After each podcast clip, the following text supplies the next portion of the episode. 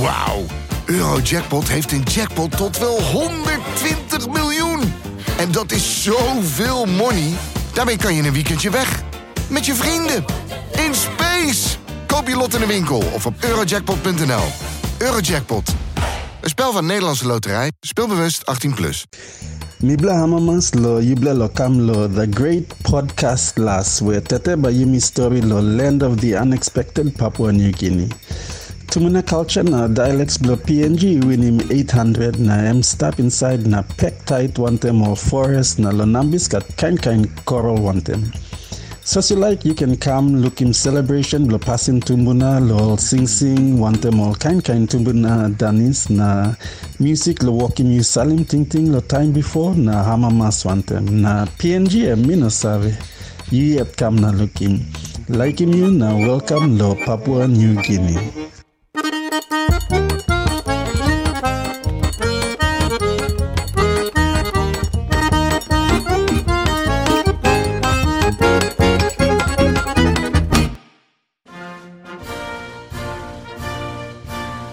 In het spectrum van wereldse uitspattingen behoort Papua Nieuw-Guinea in alle opzichten tot het kleurrijkste uiterste. Geef de Papua iets om te vieren en het resultaat schiet gegarandeerd je zintuigen overhoop. Ze zijn voor de wereld wat word art is voor word. Kleurrijk, veelzijdig, het zou cultureel erfgoed moeten zijn, maar met sommige onderdelen kom je anno 2024 echt niet meer weg. In Papua Nieuw-Guinea is het stil en luid. Hier geen snelwegen, boerenprotesten en tieners die TikTok-filmpjes afspelen in de stiltecoupé, maar wel honderden talen dwars door elkaar. En in de kakofonie van het regenwoud speelt de mens tweede viool. Boomkangeroes, paradijsvogels, giftige slangen en dodelijke vogels maken hier de dienst uit. Dit is geen landje dat je zonder handschoenen moet aanpakken. Dat bleek wel. Ik Ja, ben, is dat gebleken? ik ben een beetje bang voor dit land geworden. Oh ja? Ja, en ik ben ook antropologisch gezien niet zo ver meer buiten mijn comfortzone geweest als Benin, denk ik. Oh ja. Want ik heb het hoofdstukje bevolking eh, en ik ga heel veel leuke rituelen met jullie delen. En je had ook nog natuur. Ja, Daar ben ik natuurlijk ook heel benieuwd naar. en jaloers kunst. ook misschien wel een beetje. Ja, en kunst. Ja, je Ja, had echt een jackpot deze keer. Dus wat ik niet heb gezien is Nederlanders, eh, Duitsers. Allemaal dingen die ik nu ga verklappen die in jullie hoofdstukje zitten natuurlijk. Maar wat vonden jullie van Papua Nieuw-Guinea? Ja, eh, ja, heel tof. Eigenlijk alles wat ik ervan had verwacht en meer. Het is zo'n land, ehm, het is niet het meest afgelegen land ter wereld. Want er zijn natuurlijk eh, eilandjes in Oceanië, kleinere eilandjes die, die veel verder weg liggen. Maar het is wel door dat het zo'n groot eiland is, met zulke onbegaanbare binnenlanden, Ja, eh, maakt het wel weer heel erg afgezonderd. En misschien wel ja, verder weg dan, dan midden in Papua kan je denk ik niet komen van Nederland vandaan. Ja, het was voor mij inderdaad ook echt een wedstrijdje horde lopen met mijn eigen orientalistische eh, vooroordelen over Papua Nieuw-Guinea. ja. Ja. Want als ik Papua hoor, dat klinkt toch al als een soort van ja, eh, oneerbiedig oenkie boenkie eh, Donald Duck-achtig ver weg land, weet je wel? Ver Zo? Zo van, oh ja, totaal niet eh, vergevorderd, totaal niet progressief, heel erg geschiedkundig. Maar ja, hoe langer je erover leest, hoe meer je ook weer jezelf tegenkomt in die nou, vrij stereotype vooroordelen. Wat lekker correct weer van je, Leon. ja, dat Ja. was niet zo correct bedoeld, maar meer als een... Dit was echt het land waar ik eigenlijk van tevoren weinig over wist, behalve al die vooroordelen die je daarover hebt, weet je wel? ja. Ik snap het. En die vooroordelen die hebben mij ook wel een beetje op de been gehouden. Want eh, bij Benin bijvoorbeeld had ik wel zoiets van met dat voodoo en zo. Van jongens, dit moeten we serieus nemen, weet je wel. Dit is aan die kant van de wereld super normaal. Wij gaan dit behandelen gewoon zo objectief mogelijk. En hier had ik wel echt af en toe van jongens, jullie moeten ook wel normaal doen hoor.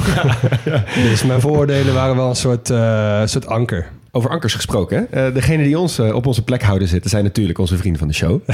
Ja. Want zonder jullie kunnen we deze eh, afleveringen niet maken. Dus ehm, bij deze eh, heel erg bedankt aan Sao, Tommy en Principe.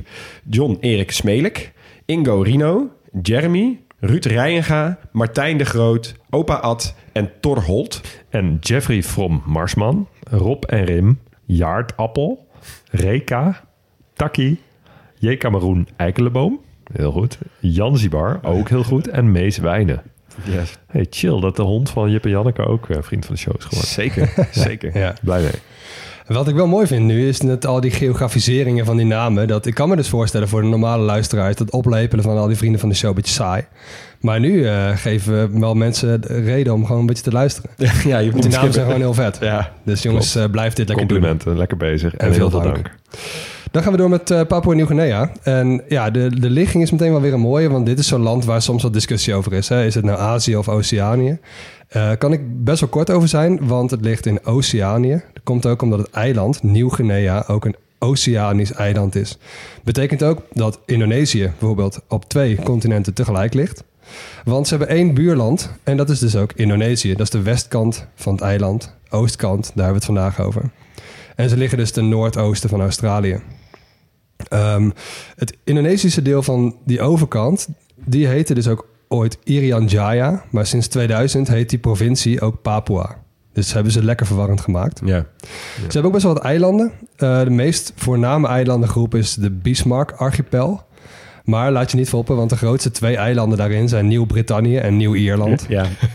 In mijn onderzoek hier was ik ook echt gewoon aan, aan, het verzuipen weer aan die koloniale namen, wat eilanden betreft. Ja, ja. en we hadden pas ook, uh, Vanuatu heeft ook van die oude Engelse, uh, oude Engelse namen. Maar ze hebben ook Nieuw-Hannover. ja. Papua Nieuw-Guinea. Dus ik dacht, oké, we zitten hier lekker koloniaal inderdaad. En Bougainville hebben we ook nog. Ja. Ligt meer naar het oosten.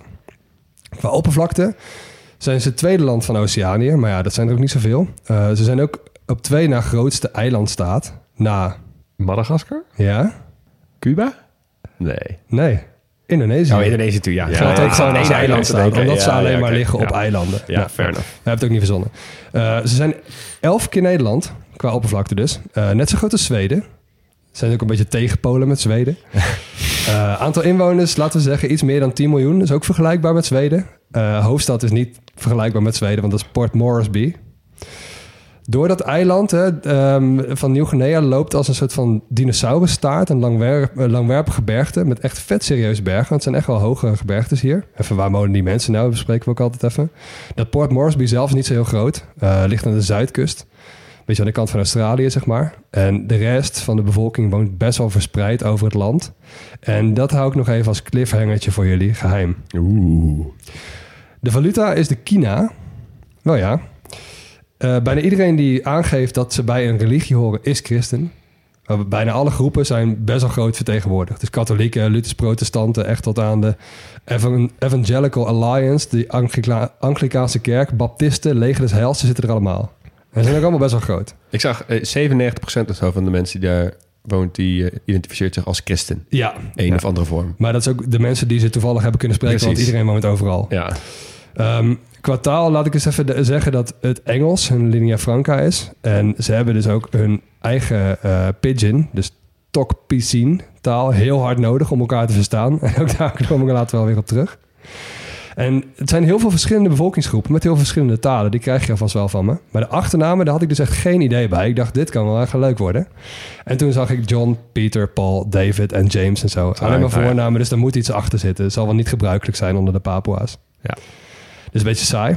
Um, ja, of de Papua's hebben zoveel verschillende achternamen. Dat dat alsnog dat, de meest Dat je voorkomende gewoon zijn. niet in, uh, in een top voorkomt. Ja, dat zou kunnen. Ja, dat is logisch. Als bijna alle uw achternaam uniek is, ja, dan, dan hou je dit over. in Dat de die top. 10.000 mensen die inderdaad John heten, dat dat dan de meest Ja, voorkomende is. Dat zou kunnen. Nou, nogmaals, een beetje saai. Uh, dat kunnen we gelukkig niet zeggen van een vlag.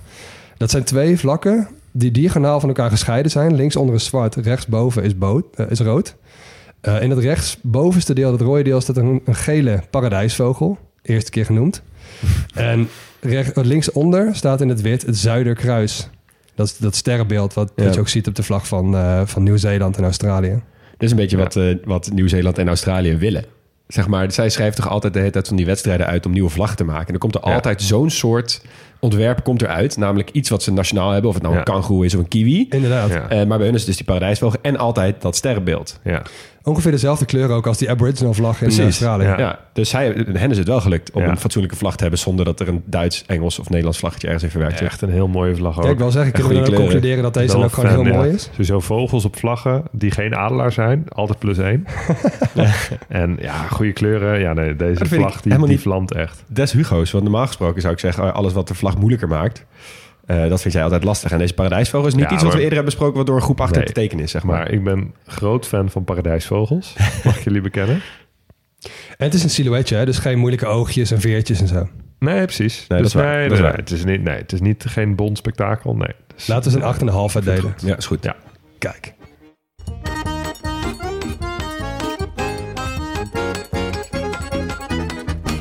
De bevolking. Wie wonen er allemaal in Papua Nieuw-Guinea? Succes. En Altijd, ja, die kan ik wel gebruiken. Want altijd als de bevolking besproken wordt door ons... hebben we best wel een gedetailleerd beeld... van hoeveel mensen we precies bespreken. Ja? Ehm, maar dit is wel ongeveer de grootste foutmarge tot nu toe. Officiële cijfers zeggen dus iets van 10 miljoen, zei ik net. Maar dat is eigenlijk gewoon het resultaat van groeipercentage doortrekken van vol- vorige censussen. Hè, dus van vorige vo- eh, volkstellingen. Laatste was in 2011. En daar was al best wel wat op aan te merken. Maar er zijn wel steeds meer aanwijzingen dat de situatie nogal veranderd is in de afgelopen 13 jaar. En de conclusie is, niemand weet hoeveel mensen daar wonen. En men gaat nu wel uit van stiekem niet 10, maar 17 miljoen mensen. Dus nogmaals foutmarge. Wow, echt? Ja. Holy shit. Maar wie is men dan? Zijn dat al die Pew Research Centers en zo? Die Amerikaanse... Ja, check. En de ja. VN en mensen die gewoon schatten van hoeveel mensen moeten daar wonen. Ja, ja oké. Nou, we noteren eventjes voor, de, voor het gemak 17 miljoen mensen. Eh, ongeveer net zoals wij, dus dat is makkelijk rekenen. In elk ander land zou je dus verwachten dat die mensen wonen... A, aan de kust, B, in de laaglanden en C, zeker niet in de bergen. Ja? Ja. Nou, vaak zie je dus dat die minst bergachtige delen dichtst bevolkt te zijn. Kijk maar naar Nepal en zo. Maar hier is het dus precies andersom. En de reden zit hem dus niet in de aantrekkelijkheid van die bergen... maar in het feit dat die laaglanden gewoon nog erger zijn. Ja, want die zijn gewoon nog warmer, nog natter, nog Onbegaanbaarder. Ja, natter weet ik niet, maar Ja, waarschijnlijk met de jungle en eh gekkigheid. En, Vet veel bossen, super dichte Ja. be- be- bebossing met regen, eh, regenwoud. Niet dat die bergen niet dicht bebost zijn. Maar er is nog een andere factor hier in het spel en dat is malaria. Ah ja, oké, natuurlijk. Ja, want je hebt Ehm, gewoon veel stilstaand water en zo. Ja, Veel meer dan in de bergen. dit is een soort van geografische Warmer. natuurlijke selectie. Weet je wel? Dus van oudsher kon die bevolkingsgroei vooral daar plaatsvinden waar je minder last had van malaria. Ja, je ziet dit eh, in de tropen natuurlijk wel vaker. Hè? In eh, bijvoorbeeld Colombia en zo zie je ook dat... eh in Ecuador zie je dat de hooggelegen gebieden... juist de gebieden zijn waar veel mensen wonen. Precies. Ja, en dus ook hier. Ja, Dus en in de Amazone woont niemand. Als je dus zo'n grote spine ziet, weet je wel, zo'n grote bergketen, denk je wel van oké, daar woont in ieder geval niemand. Ja. Maar niks is dus minder waar. Nee, hier niet. Nee.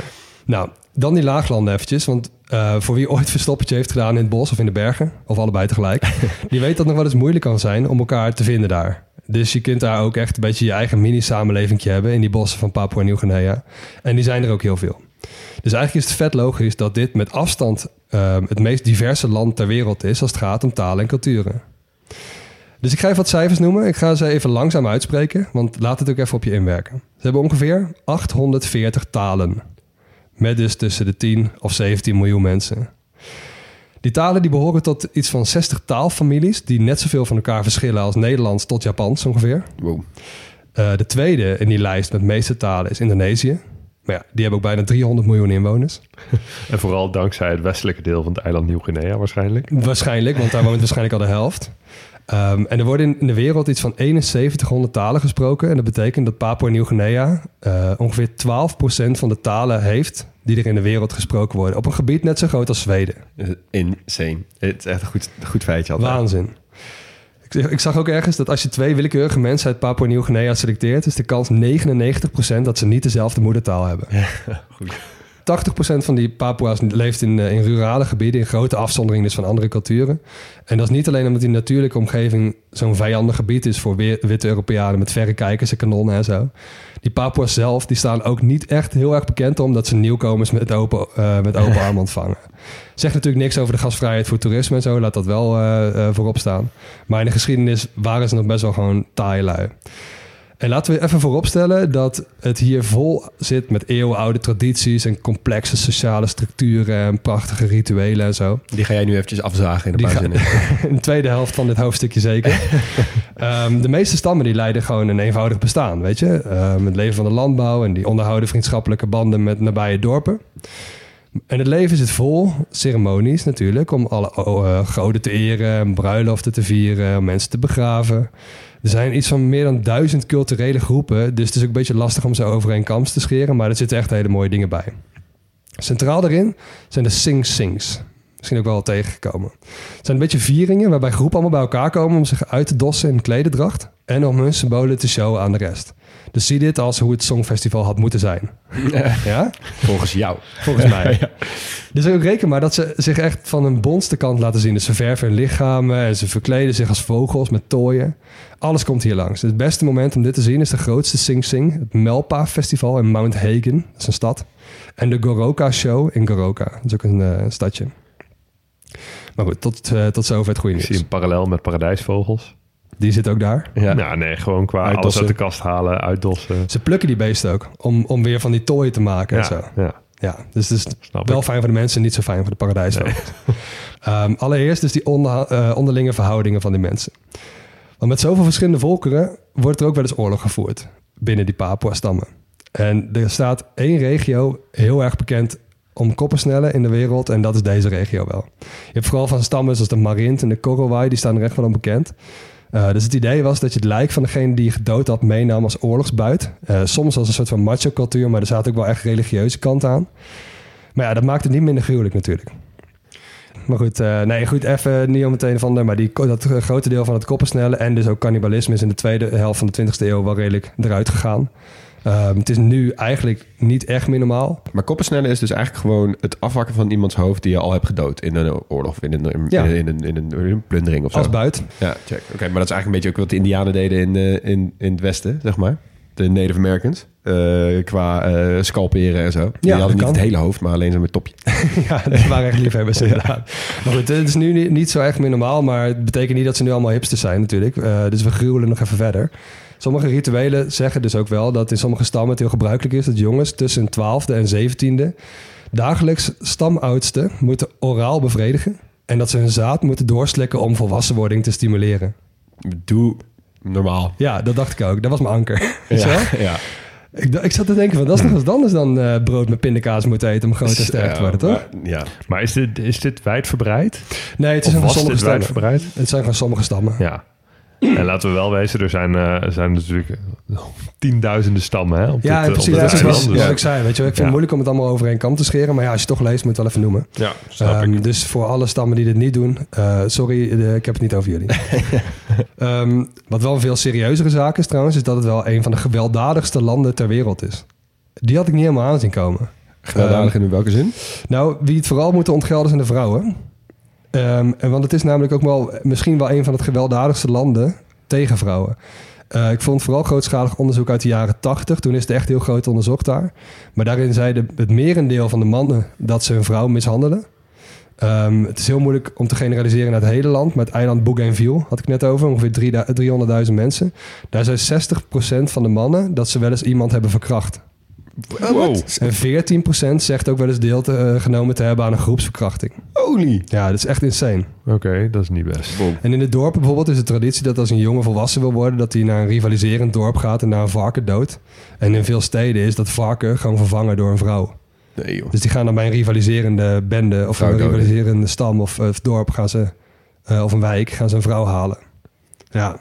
Hm. Elk jaar worden er iets van 100 vrouwen vermoord om hekserij. Eh en wee dus dat als een stam in jou een kwade geest ziet, dan kun je zelfs gemarteld worden tot je overlijdt. Nee joh. Ja. Maar goed, eh, ons immer vrolijke Leon Boelens heeft mij een tipje gestuurd. En altijd wat goed voor om af te sluiten met wat, eh, wat goed nieuws. Dus we gaan even terug naar die talen. Ehm, als je allemaal denkt dat er allemaal hele complexe talen zijn... die allemaal een eigen Tolstoy hebben en zo. Eh, vast wel, maar niet allemaal. Want er is de taal Pandanus. En dat is een taal die wordt alleen gesproken... en mag alleen gesproken worden tijdens expeditie om nootjes te rapen. Dat is toch vet om te praten met de nootjes. Ja, Omdat ze bang zijn dat op het moment dat jij de andere taal spreekt... dat de nootjes dan schrikken of weten dat je eraan komt. Ja, precies. Dus En als je weggaat uit je dorp, dan stop je met je eigen taal en dan komt daar die taal voor in de plaats. Want mensen zeggen dus inderdaad dat als je je normale taal zou spreken, dan zitten daar heel veel woorden in die de nootjes zouden beschadigen, de oogst. Ja. Dit Ja. hele concept vind ik Nooit echt... over nagedacht, maar eh, heel logisch. Ja. Ja, heel logisch. Ik bedoel, maar de- als het begint bij taal, iedereen zegt woorden doen ertoe. Maar op het moment dat je zo respectvol omgaat met je oogst, met de natuur, met je nootjes, ja, dan moet je wel respect hebben voor al het andere wat groen is en om je heen groeit, toch? Ik bedoel, kan toch niet anders als je een eigen taal voor hebt? Ja. Dus ik vind het idee, het concept vind ik wel echt gaaf. Ja. Ik ga niet specifiek nu een andere taal verzinnen voordat wij appels uit een boom gaan plukken of zo, maar Nee, en ik Ja, dacht ik ook eer, eh, eerlijk gezegd wel een beetje van, oké, maar dan zit je ook zo aan die 840, maar dat is helemaal niet eerlijk. nee. Want de meeste zijn wel gewoon echt Ja, precies. moedertalen Ja, echt, van, ja. een, eh, van, een, van een familie. Ja. Ja. Wauw. Oké. Ehm, goed, ik ga de geschiedenis in met jullie. Eh, ga er even voor zitten. Dit is ook weer een eh, niet zo'n kort hoofdstukje, want er is een hele hoop gebeurd in Nieuw-Guinea. Ehm, maar goed, eh, we gaan inderdaad even kijken, even uitzoomen naar het hele eiland Nieuw-Guinea. Want ja, hè, dat het nou eenmaal kaarsrecht verdeeld is in twee helften, dat is natuurlijk niet hoe het, hoe het vroeger altijd was. Bovendien denk ik niet dat we aan dat deel van Nieuw-Guinea toekomen bij de aflevering Indonesië. Dus ik pak hem hier even mee voor een groot deel van de geschiedenis. We beginnen vroeg, 10.000 jaar geleden. Ehm, dat was een belangrijk moment voor het eiland Nieuw-Guinea, want toen was de, laatste ijstijd net afgelopen. Niet dat het nou in Nieuw-Guinea heel ijzig was, maar de zeespiegel stond wel veel lager. Want er zat heel veel water gevangen in landijs in Canada, Scandinavië, Rusland. eh, hè, grote landoppervlak op het noordelijk halfrond. Dus de zeespiegel stond zo laag dat Nieuw-Guinea toen nog aan Australië vastlag. Ja, gezellig. Ja, ehm, toen het ijs smolt, steeg de zeespiegel, werd Nieuw-Guinea dus een eiland. En eh, daarmee werd het dus op natuurlijke wijze eigenlijk onafhankelijk van Australië. Je snapt nu ook waarom het eiland Nieuw-Guinea bij Oceanië wordt gerekend en de rest van Indonesië niet. Ja, Eh, slim. Ja, het is gewoon geologische... Ze, ja, ze liggen op dezelfde tektonische plaat. Ehm, de tussenliggende zee is heel ondiep dus. Ehm, tussen Nieuw-Guinea en de rest van Indonesië liggen juist hele diepe troggen. Dus dat is ja, geologisch gezien echt een ander continent. Ja. Nou, die landbrug eh, tussen Nieuw-Guinea en Australië die er was, die verklaart natuurlijk ook waarom er heel veel etnische raakvlakken zijn tussen Aboriginals en Papua's. Nou, eh, die Papua's die chillden dus de afgelopen 10.000 jaar op Nieuw-Guinea, tamelijk afgezonderd van elkaar, eh, maar ook tamelijk afgezonderd van de buitenwereld, totdat ze werden ontdekt door de Europeanen natuurlijk. En dat waren in dit deel van de wereld, wie denken jullie? Portugezen. Ja, Portugal en wie nog meer? Um, Spanjaarden. Ja, de Spanjaarden. Ze zaten de Filipijnen best wel in de buurt nog, natuurlijk. We hebben het eh, eerder gehad over het verdrag van Tordesillas, ehm, wat die landen in de 15e eeuw sloten. Dat zorgde ervoor dat alles ten westen van Brazilië voor Spanje was en alles ten oosten ervan voor Portugal. Nou, daarmee waren de Amerika's, Afrika en Azië verdeeld. Maar ja, de aarde bleek rond en dus eh, sloten ze in de 16e eeuw het veel minder bekende verdrag van Zaragoza. Oké. En daarin werd de grens tussen Ah. Portugal en Spanje op het oostelijk halfrond bepaald. En die kwam te liggen recht boven Nieuw-Guinea op de 142ste lengtegraad. Oké, kreeg dan Portugal alles ten westen, denk ik? Portugal kreeg alles ten westen en Spanje alles ten oosten. Ja. Ten oosten lag er ook niet zo heel veel. Eh, later heeft Spanje dat trouwens wel geschonden, want Filipijnen Ja. ligt ten westen van die grens. Ehm, maar in principe was alles ten westen daarvan voor Portugal. Eh, de Spanjaarden en de Portugezen die hadden trouwens wel wat beters te doen dan zich nou heel intensief gaan bezighouden met Nieuw-Guinea. Ehm, wie waren serieuzer geïnteresseerd? Ja, wij. Nederlanders. Ja, de Nederlanders. Ja. Ehm, vooral het westelijk deel van het eiland wel te verstaan, want dat lag vlakbij Nederlands-Indië. Eh, dus de VOC die sloot een verdrag met een sultanaat op de Molukken. Molukken zijn, eh, liggen weer ten westen van Nieuw-Guinea. Ehm, en het sultanaat zei daarin, nou prima Nederlanders, jullie hebben het gezag bij deze over het westen van Nieuw-Guinea. Het idiote was, dat sultanaat had zelf helemaal geen gezag over Nieuw-Guinea. Dus het was een beetje alsof België tegen Duitsland zegt, naar nou, jullie, Nederland." jullie mogen Frankrijk wel. Ja, ja, precies. Ja, of. Nederland. Ehm, maar goed, dat maakt de Nederlanders natuurlijk geen ster uit. Eh, dus die hebben in de eeuwen daarna hun invloed uitgebreid over Nieuw-Guinea. Economisch had het eiland trouwens niet heel veel betekenis. Want ja, die Papua's die waren jager-verzamelaars, tuinbouwers. Woonden vooral in die bergachtige binnenlanden. Dus daar was weinig handel mee te drijven. Was ook weinig misbruik van te maken. Daarvoor zaten ze gewoon te ver uit de kust.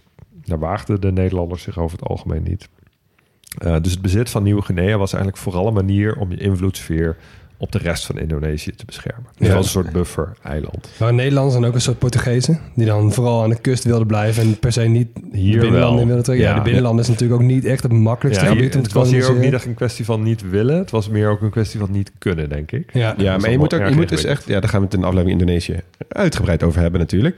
Maar je moet dus kijken hoe de, ehm, zeg maar de invloed van Nederland op de binnenlanden in Indonesië op de eilanden is gegaan. Want heel veel mensen die denken... Oh, VOC kwam er, Jan Pieterszoon Koen eh, maakt Jakarta. Pada, en toen was alles Nederlands. Maar dat is helemaal niet het geval. Zeg maar, het is heel lang echt maar stipjes geweest. En die binnenlanden hebben ze echt pas relatief laat... zijn ze die naar binnen getrokken. Ook met hulp van eh, andere mensen die er al zaten, zeg maar. Ja. Dat is in Afrika natuurlijk ook. Hè? Dat is ook pas eind 19e eeuw dat die binnenlanden een beetje... Ja, maar eh, Afrika is echt wel, echt wel een massief stuk continent, zeg maar. Bij Ja. Indonesië, ik bedoel, Java is groot. Ja. Ehm, maar je zou eerder denken dat eh, dat sneller, zeg maar, het hele eiland soort van onder wilde werpen. Maar dat was dus niet het geval. Dat was dus in, in Guinea dus ook niet zo. Zelfs daar, ja. Ehm, goed, dan even het, het oosten van Nieuw-Guinea. Eh, want ja, dat is natuurlijk de voorloper van het land, Papua-Nieuw-Guinea. Dus daar hebben we het wel over. Er was ook van alles aan de hand. In het zuidoosten waren namelijk de Australiërs aan land gekomen. Want ja, dat lag toch wel heel dichtbij. Eh, Australië was toen trouwens nog niet onafhankelijk. eind 19e eeuw. Dus het werd formeel een Britse kolonie. En wat was nog over? Het Noordoosten. Dus wie denken jullie dat daar kwamen buurten? Ja, Max heeft afgeklapt. Ja, De Duitsers. Duitsers, inderdaad. Ehm, en dus was het eiland Nieuw-Guinea eind 19e eeuw verdeeld in drie stukken. Het westen van Papua werd bij Nederlands-Indië gevoegd. Ehm, de grens eh, tussen, tussen Nederlands, Nieuw-Guinea en de rest lag op de 141ste breedtegraad. Dus één graadje westelijker dan Spanje en Portugal hadden afgesloten. En dat is nog steeds de grens. Waarom, Ehm, waarom dat graadje westelijker? Ja, weet weet ik dat niet. kunnen vinden? Ja, ja, ja. Een soort Kwestie you. van onderhandeling. Ja, ik weet het niet.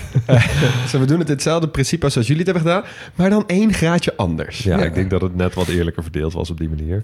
Eh, dat westelijke deel is trouwens na de onafhankelijkheid van Indonesië nog een tijdje Nederlands gebleven. Dus is het, is het de langstblijvende Nederlandse kolonie geweest in, eh, in Indië. Eh, en uiteindelijk in 1962 bij Indonesië gevoegd. Ja, vanaf nu focussen we ons even alleen op het oostelijk deel. Dat dus begin 20e eeuw bestond uit een Duits noorden en een Brits zuiden. Want ja, hoe is dat gedurende de 20e eeuw het land Papua Nieuw-Guinea geworden? Nou, even kijken naar het Duitse deel. Dat kreeg de prachtige naam Kaiser Wilhelmsland. Ja. Ja, ehm, plaatsnamen konden er ook wat van. Friedrich Wilhelmhaven, Herbertshöhe, Finchhaven.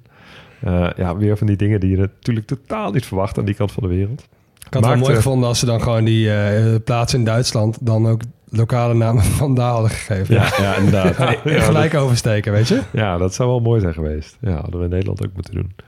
Ehm, het maakte, eh, dat Keizer Wilhelmsland, dat maakte deel uit van de kolonie Duits Nieuw-Guinea. Die bevatte eh, niet alleen dat Keizer Wilhelmsland, maar ook nog een aantal buurden, eh, aantal eilanden in de buurt, vooral ten noorden van, eh, van Nieuw-Guinea.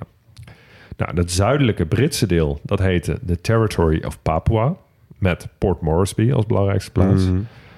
Uh, en toen Australië onafhankelijk werd, mochten ze dit stukje ook houden van de Britten. Dus het werd uh, in het begin 20e eeuw een Australische kolonie, het zuidoosten van Nieuw-Guinea. Die gasten, die Ja. hebben ook echt, ze hebben iedereen gezien ongeveer. Ja, precies. hè? Ja. Echt niet normaal, ja. Maar goed, ook wel eerlijk eigenlijk, want, of nou eerlijk, uh, niet voor de Papua's, maar Australië was natuurlijk wel, de, de, mensen uit Queensland waren degene die dit deel hadden gekoloniseerd, en niet de mensen uit Engeland bijvoorbeeld. Ja. Ja. Australië zwaaide nog even met een decreet uit de ijstijd van jongens, Ja, dit hoort precies. bij ons. Dit, dit hebben wij bedacht, dat we dit moesten inpikken, dus nu mogen we het ook hebben. Nou, zo geschieden. Um, en toen waren we alweer toe aan de Eerste Wereldoorlog. Nou, dat betekende natuurlijk het einde van Keizer Wilhelmsland. Uh, want ja, Duitsland verging het niet zo goed in die oorlog. Want en Keizer kolonies ook niet. Ja. Um, aan het begin van de oorlog werd het bezet door Australië. En uh, daarna werd het mandaatgebied onder controle van Australië. Samen met de Bismarck-archipel. Dus dat is die groep eilanden ten noorden ervan. Uh, die ook deel uitmaakten van Duits-Nieuw-Guinea. Nieuw-Brittannië, Nieuw-Ierland. Um, en ook de noordelijke Salomons-eilanden, waaronder dus Bougainville. Ja. Dus het noorden en het zuiden waren nog wel twee verschillende gebieden. Maar Australië had wel over beide gebieden controle. Dus was al iets een stapje dichter bij één uh, eenwording. Nou, daar komen we aan in de Tweede Wereldoorlog. Daarin uh, kwam het front aardig dichtbij.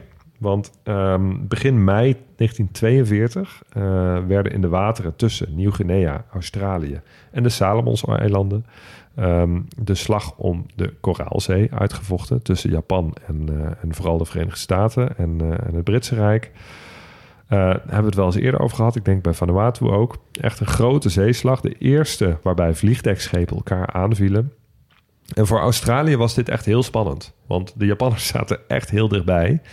Um, ja, op de eilanden, ik heb het helemaal ja. niet zo beseft. Ze konden Australië gewoon zien ongeveer. Ja, ja, ja, die zaten gewoon daar op, uh, op Nieuw-Brittannië bijvoorbeeld. En op Bougainville zaten gewoon de Japanners. Dus heel dicht bij Nieuw-Guinea. En ook echt heel dicht bij het vasteland van Australië. Ja.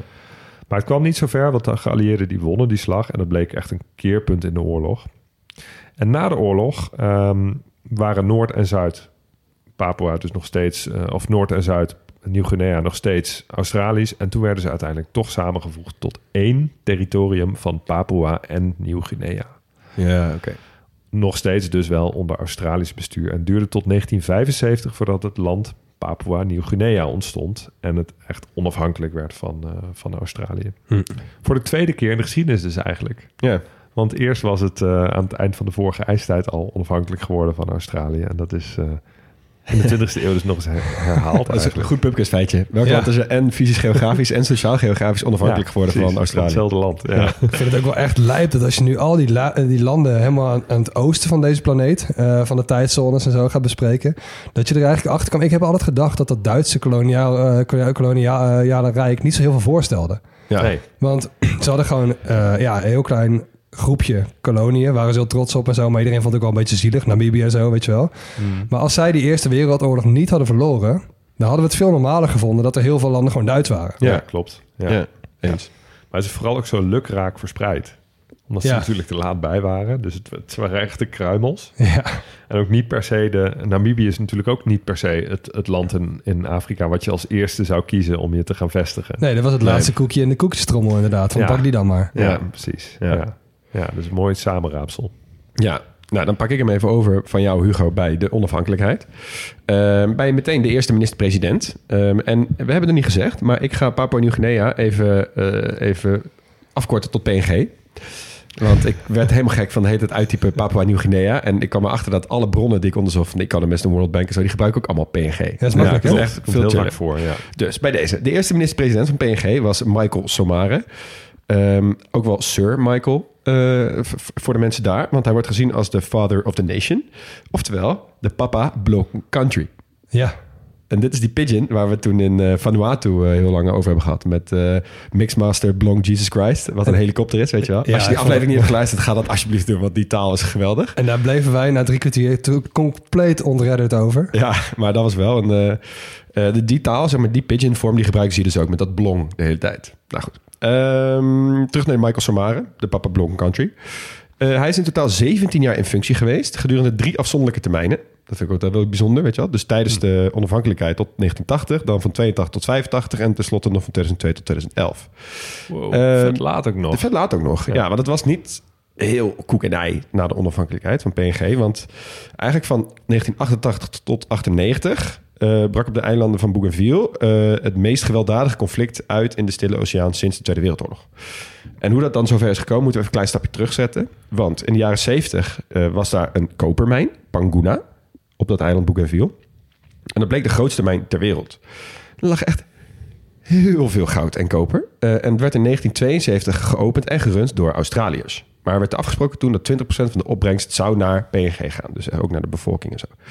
Maar goed, Bougainville, hebben we gezegd, is een eilandje van het grotere eiland af. Dus het meeste geld ging weg. En bovendien, eh, volgens de Bougainvillers, die zijn zelfverklaarde zwarthuiden, eh, kwamen er allemaal withuiden en uit Australië en roodhuiden uit PNG.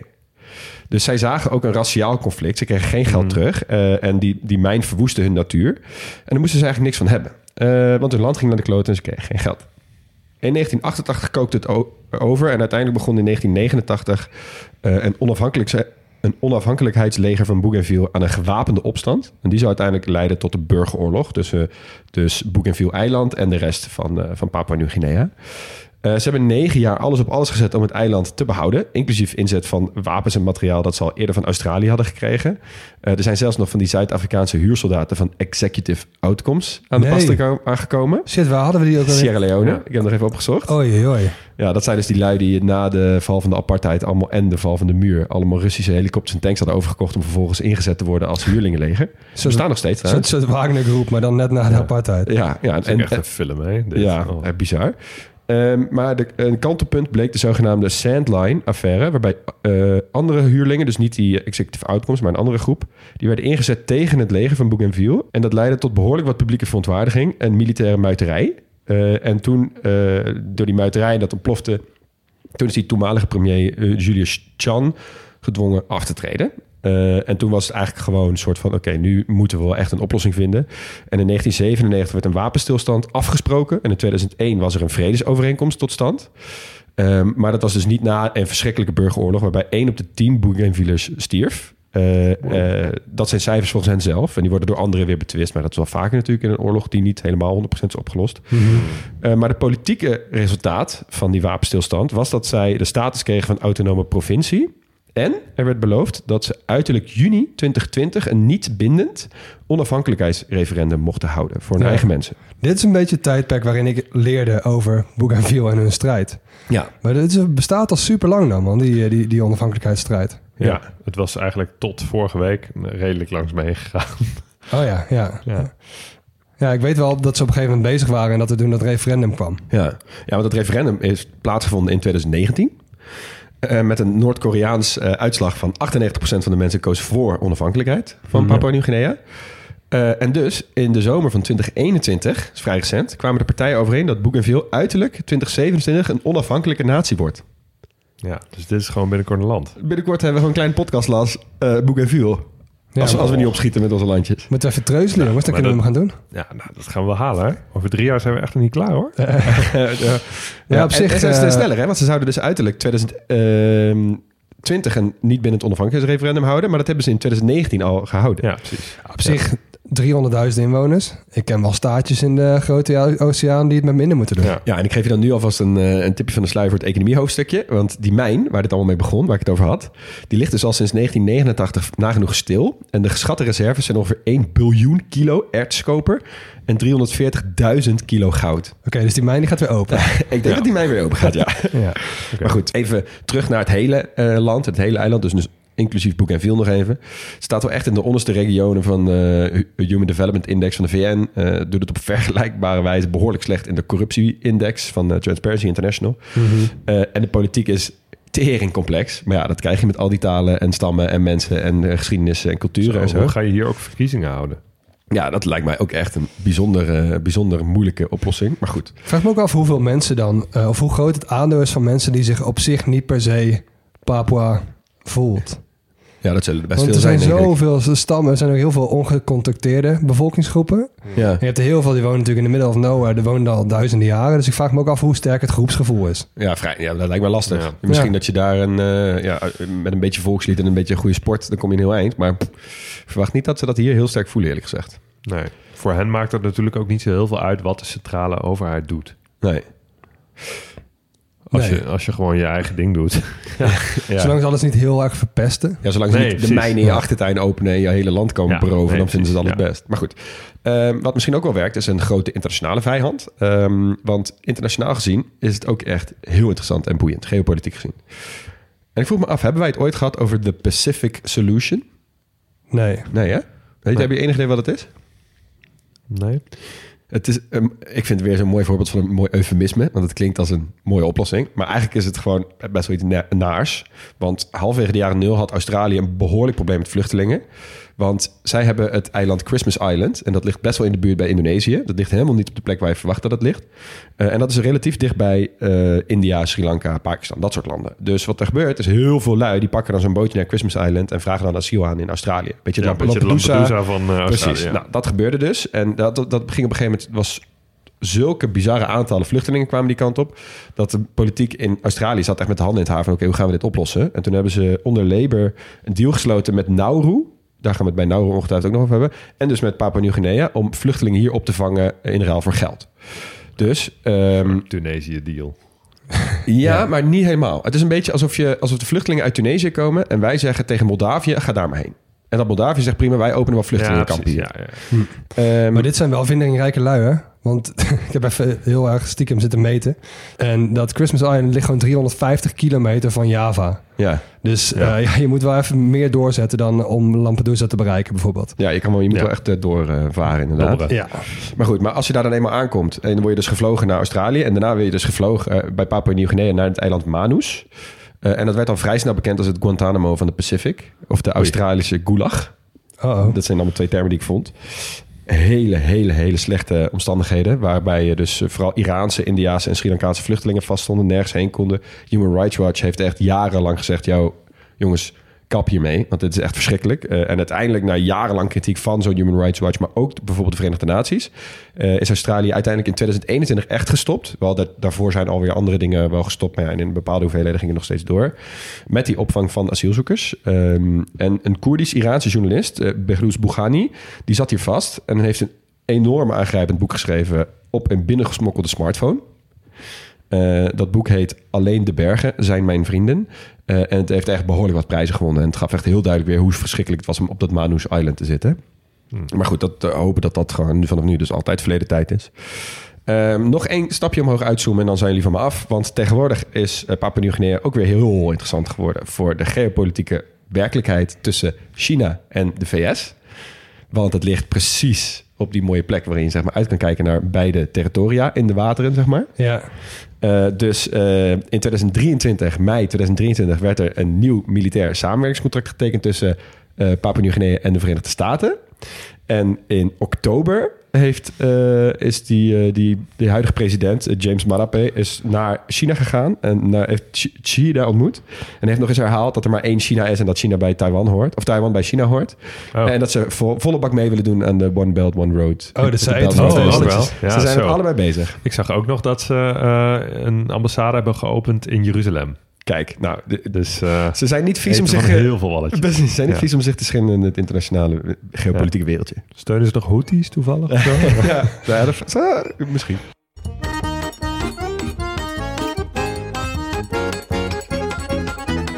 Nou, dan het hoofdstuk der hoofdstukken. Want uh, ja, dit is wel een natuureiland, jongens. Uh, we hebben het over Nieuw-Guinea, het eiland. En dat is qua oppervlakte het tweede eiland ter wereld grootste deel daarvan behoort tot PNG. Dankjewel, Leon. Mag ik het zo gaan noemen voor interview? Uh, en het is ook het grootste tropische eiland. Het is overal dun bevolkt, overal dicht bebost. En het is het meest bergachtige tropische eiland. Hallo, biodiversiteit. Ja, inderdaad. Moet wel, toch? En ze liggen er ook nog in die coral uh, driehoek. Die hoef je hier niet eens te bespreken misschien. Maar hebt toch de, de, de, de ja, de koraaldriehoek, zeg maar. Dat is dan Ja. de plek waar het meeste koraal ter wereld in voorkomt. Dat Ja. een beetje zo loopt al die atollen. grof van Indonesië, zo bovenlangs Australië. En dan eh, Great Barrier Reef zit er volgens mij net wel net niet in. Maar dat hebben ze dus ook nog. En Dat dat is ook een lekker zeeleven, ja. Precies, ja. Nou, hartstikke mooi. Ehm, even, Hugo, je had het over die grens. Eh, het is het enige land in die regio waar die kolonialen dus kaarsrechte grens hebben getrokken. En een kleine uitzondering daarvan is die Fly River. Dus dat is dat riviertje. Dat is, eh, die loopt daar met een heel klein slingertje. Papua-Nieuw-Guinea loopt die Indonesië in. Dan weer naar Papua-Nieuw-Guinea. Dus hebben ze ook maar niet flauw gedaan. En eh, in het verdrag van Den Haag 1895 hebben ze dat riviertje als grens ook gepakt. Ja, ik heb, ik heb ergens gelezen dat ze dat ook deden, omdat dat dan makkelijker was om te patrouilleren als voor de Britten tegen koppensnellen. Oh, Ja, Nou, dat is logisch de- natuurlijk, De, als je de het kleine- Britten die, eh, die vonden dat, die wilden dat, dat niet hebben, die wilden die, die traditie afschaffen. Hm. Dus die patrouilleerden in dat gebied. want dat is de Dat is natuurlijk makkelijkste... super onhandig als je voor, voor een paar kilometer een rivier over moet steken om je patrouille door te zetten. Ja, het is in dat soort gebieden de makkelijkste manier om je te verplaatsen over Ja. het water. Ja, Nou, dat is dus de Fly River. Hartstikke mooi. Ehm, en dan even iets meer uitzoomen. Als je een lijstje maakt van landen naar percentage bos als deel van het totale oppervlak van het land. Hè, dus hoeveel bos hebben ze? Dan staat Papua Nieuw-Guinea achtste. Oké. Oké. Iets van 80% is bos. Hoewel een kwart van het regenwoud wel echt beschadigd is in het laatste kwart van de vorige eeuw. En ontbossing is natuurlijk een groot probleem. Maar goed, achtste. Oké. Dus wie denk je dat de eerste staat in die lijst? en dan gaat het om percentage Van de totale oppervlakte. zeg maar. Rusland. Nee, Absoluut en relatief nummer één. Nee? nee, nee. Nee, nee het gaat inderdaad om relatief. Dus Ja, hoeveel maar- procent ja, van je land is ja, dus bos? waar is nog het minste verdwenen, zeg Ja. maar. Eh, ik denk misschien een Congo, Kinshasa, Nee. Is het die, is het die Suriname. Ja, is Suriname. Ah, ja. 97 procent, hè? Wow, Ja. lekker. Ja, Keurig. dus vond ik hem mooi in dat lijstje. Eh, maar goed, Papua-Nieuw-Guinea is dus wel met afstand het grootste land in die lijst. Dus moeten we ze toch geven. Ja. Als we nog even doorgaan op dit, eh, eh, in dit eh, quizje. Denken jullie dat je een enig idee hebt welk werelddeel percentage het meeste bos heeft? Afrika? Dat is de inkopper. Ik denk Zuid-Amerika. Ja, maar wat is bos? Is, een ta- is taiga, is dat ook bos? Ja, maar dan is het Azië. Misschien wel. Het is Europa. Oh. Ja. Oh, procentueel. ja, want wij hebben eigenlijk helemaal bijna geen klimaten die geen bos toelaten. Oh ja, we hebben, we hebben gewoon geen woestijnen eigenlijk. Nee, precies. Ja, Dus Oh, mooi, zo. mooi Ja, weetje. ja. oké. Nou, uh, Hugo zei al eerder, hè, dus alles wat leeft op Papua Nieuw-Guinea... ehm, of alles wat leeft op Australië... is ooit via Papua Nieuw-Guinea die kant op gelopen. Ehm, dus dat maakt Papua Nieuw-Guinea ook wel een mooie, mooie sleutelpositie... zeg maar, qua, qua flora en fauna. Dus we gaan eerst even wat, eh, wat plantjes bespreken. En Nieuw-Guinea, het eiland, eh, is, is het eiland... dat de meeste plantensoorten herbergt van alle eilanden in de wereld. Goeie. 13.500 soorten, waarvan twee derde endemisch. Wow. Dus Oké. twee derde van de planten komt ook echt alleen daarvoor. Ja. Vet lijp. Ten eerste, hoe weten we dit allemaal? 13.500 plantjes, moet je goed tellen.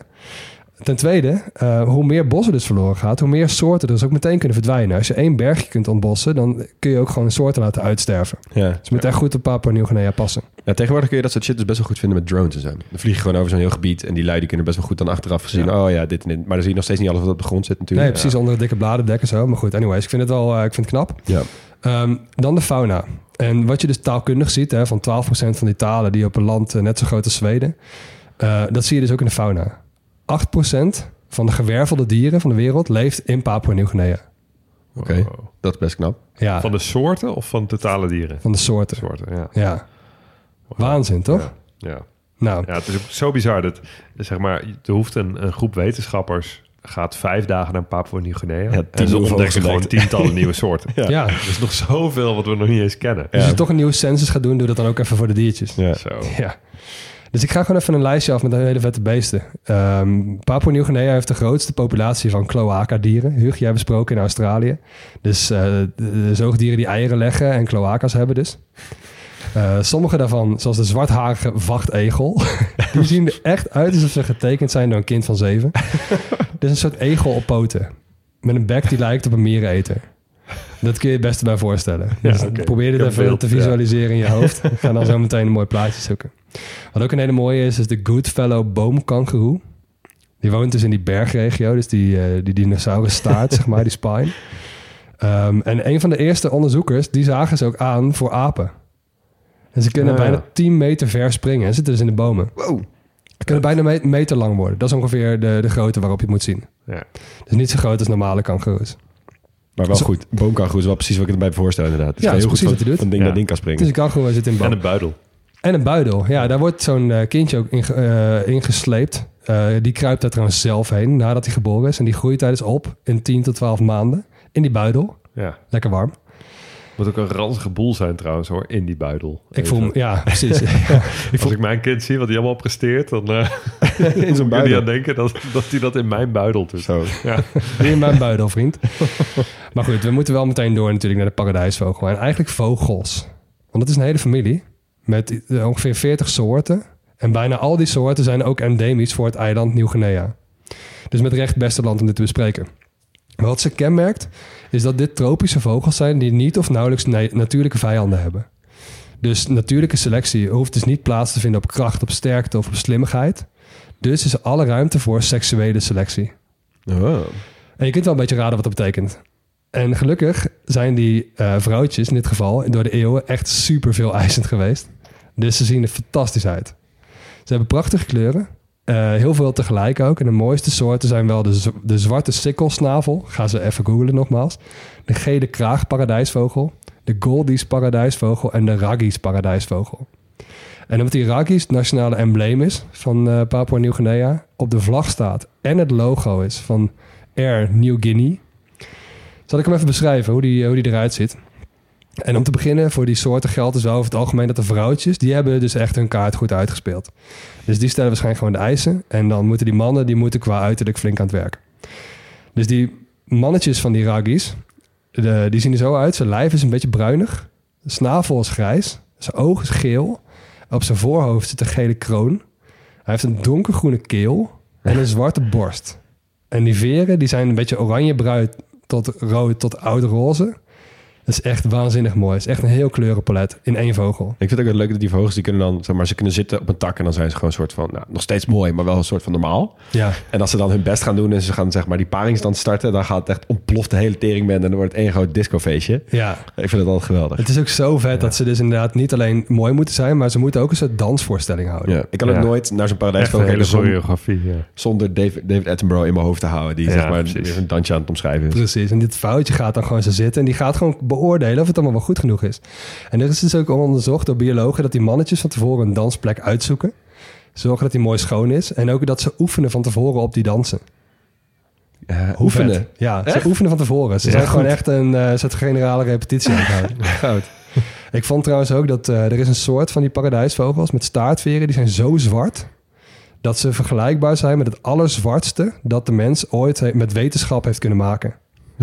Dus het diepste zwart dat je kunt nadenken ongeveer. Dus net zo zwart zwart.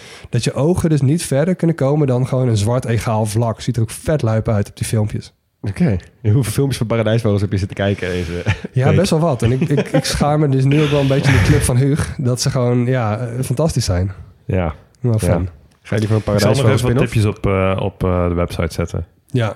Er is een, ja, er staat op Netflix genoeg docu-series die allemaal wel een aflevering of een deel daarvan wijden aan paradijsvogels. Maar er is ook een, eh, een, eh, eh, een hele show gewoon alleen maar over paradijsvogels. Dancing with the Birds. Volgende keer als ik bij jou thuis ben, ga ik toch heel even naar jouw slaapkamer om te kijken of daar niet een mooi poster hangt. Huug. Ja, en anders moet je maar gewoon Suske en Wiske 256, De Vogels der Goden, gaan lezen. Want daar gaat het over koppensnellers en paradijsvogels. Kijk, Oeh. als je dan toch denkt van, nou, ik eh, ga deze aflevering niet afluisteren, dan pak die er maar bij. Even iets anders over die, eh, niet over de paradijsvogels. Eh, ze hebben een van de snelst aanvallende giftige slangen. Die hebben ook ongeveer het giftigste gif van de hele wereld. Dus die moet je niet tegenkomen. Hij luistert ook naar de naam doodsadder. Oké. Dus eh, ja, als je die ziet, dan eh rechtsomkeerd. En ze hebben ook 's werelds dodelijkste vogel. De Casuaris. Maar dodelijk Die als is- in... En die is dan ook giftig? Of Nee, nee, hij is, niet, hij is niet giftig. Hij is teringgroot en vooral gevaarlijk omdat hij zieke woedeuitbarstingen kan krijgen. Oké. Maar als hij is dodelijk naar mensen? Of... ja, Oké. je, moet hem niet, je moet hem niet boos maken. Maar goed, dit zijn wel echt een handvol doden ja. die er gevallen zijn. Dus niet veel. Ja, maar goed, voor, ja, nee, ik kan me voorstellen dat er weinig vogelsoorten zijn die mensen doden. Ja, Dus- dat was ook mijn, een beetje mijn conclusie van... oké, vogels zijn niet do- super dodelijk. Nee, dat is ook zo, ja. Maar Ja. deze is wel. Maar ja, maak dus die. Casuaris niet boos. Dan Nee. heb je een probleem. Alright. Nou, het geschiedenisstukje gaf ik al aan dat de koloniale machten nou niet echt economische reden hadden om eh, neer te strijken op Nieuw-Guinea. Want ja, de Papua's zijn altijd zelfvoorzienend geweest in de voedselvoorziening. Ehm, maar de landbouw is wel heel arbeidsintensief. Dus er blijven weinig mensen over om bijvoorbeeld in de industrie te werken. Ehm, er zijn ook weinig producten over om te exporteren. Dus ja, iedereen is gewoon een beetje met zijn eigen voedselvoorziening bezig. Dus heel veel economische eh, interesse wekt het niet van buiten. Ze exporteren een beetje hardhout, wat garnalen, wat andere typische tropische producten. Noem ze maar koffie, thee, cacao, suiker, palmolie. Een beetje je standaard. eh. maar dat is dus een, eh, speelt niet echt een hele grote rol van betekenis. Ehm, en die kleinschalige economische traditie in Papua Nieuw-Guinea... die is nog wel het beste te illustreren met het volgende verhaal. Ehm, we hoorden de valuta, dat is de kina, ehm, maar die is er pas sinds 1975. Daarvoor werd de Australische dollar gebruikt. Nou, dat zie je natuurlijk wel meer in eh, koloniale tijden. Maar voor 1933 werd er in het land eigenlijk vooral betaald met schelpen in plaats van met geld. Voor welk jaar al zei je? 1933. Holy shit, oké. Ja. Ehm, en sommige groepen Papua's die betalen nog steeds met schelpen in plaats van geld. Wow. Ehm, en schelpen zijn ook nog steeds populair als bruidschat bijvoorbeeld. Of bij begrafenissen en andere rituelen. Maar ja, je kunt je ook bedenken, ehm, ja, daar midden in de bergen staat echt niet in, in één keer een pinautomaat of zo. Dus Nee. daar is ook vaak geen, geen geld beschikbaar. Dus nog steeds een heel populair alternatief. Wel chill als je, Je aan het strand woont trouwens. wat zeg je? Wel chill als je aan het strand woont trouwens. Zeg maar, stel, zijn het echt specifieke soort eh, schelpen die het zijn? En die Ja, ik kom dus- zo terug. Ah, Ja. Ehm, je ziet het nu vooral nog veel op het eiland Nieuw-Brittannië, onder de bevolkingsgroep de Tolai. Ehm, toen daar tijdens de corona de infrastructuur helemaal stil kwam te liggen, eh, waren ook contanten niet meer goed beschikbaar. En toen werd er dus ook weer steeds vaker teruggegrepen op het gebruik van schelpen voor dagelijkse betalingen. Mm. Ehm, je moet je trouwens dus niet voorstellen dat mensen daar dus rondlopen met portemonnees, met geld en allerlei verschillende soorten schelpen die verschillende waarde hebben of zo. Eh, het gaat om schelpen, identiek, of eh, ik zie in ieder geval veel, meestal schelpen van dezelfde kleur, waar ze een gaatje in boren en ze vervolgens aan elkaar rijgen tot lange kettingen. Oké. Het zijn eigenlijk schelpenkettingen. En in coronatijd kon je bijvoorbeeld voor anderhalve armlengte schelpenketting een pak rijst kopen. Oké. Dus dan sta je gewoon aan je arm te meten in de, in de winkel. Sta je Ja. op die manier te betalen eigenlijk. Corona was sowieso wel een tijd waarin Papua's noodgedwongen terug moesten grijpen op hun eh, eh, zelfvoorzienende tradities. Dus is best wel- voor we- wetenschap is al daar, lijkt me dat best wel een mooie plek. Want kijk, ja, bij ons werd Zoom ingebracht. Ja, oeh, mensen gingen vanuit hun eigen slaapkamer gingen ze een beetje met elkaar kaarten. Nou, Ja. eigenlijk veranderde niet zo heel veel, behalve dat je binnen moest blijven, zeg maar. En persoonlijk contact werd anders. Ja. Maar daar is natuurlijk die, die, die hele samenleving was een stuk is een stuk veel minder vergevorderd.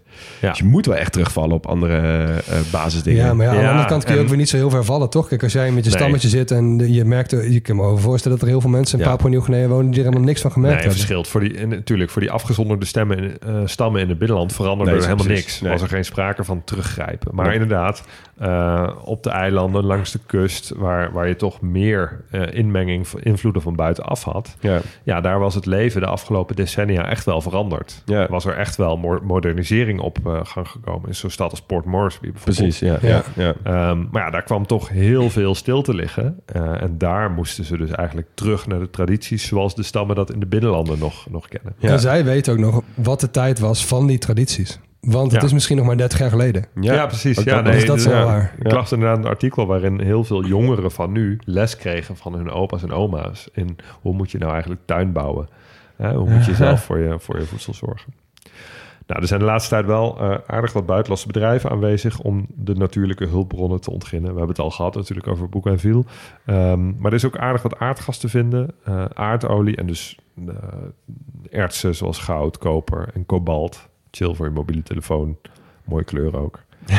Ehm, maar desondanks eh, heeft Papua Nieuw-Guinea echt wel een flink tekort op de handelsbalans. Dus ze moeten meer importeren dan ze verdienen met de export. En ze zijn heel afhankelijk van eh, financiële steun van Australië. Bijvoorbeeld eh, vanwege het opvangen, Ja, als, als ja. compensatie voor het opvangen van, van migranten. Ja. Infrastructuur is ook heel beperkt. Er zijn eigenlijk geen wegen die de grote steden verbinden. Dus je kan niet met de, met de auto van Port Moresby naar die oude Duitse steden in noorden bijvoorbeeld. Nee. Daarvoor moet je echt eh, een klein vliegtuigje pakken. Watervliegtuigjes vaak, zodat je, zodat je kan landen. Ehm, eh, ergens, eh, ergens anders voor de kust. en in het binnenland, ja, helikopters. Hè? Maar dat is natuurlijk eigenlijk alleen maar mensen gegeven die daar komen om dieren te onderzoeken of iets dergelijks. Voor de normale bevolking is dat land eigenlijk bijna niet te bereizen. Nee.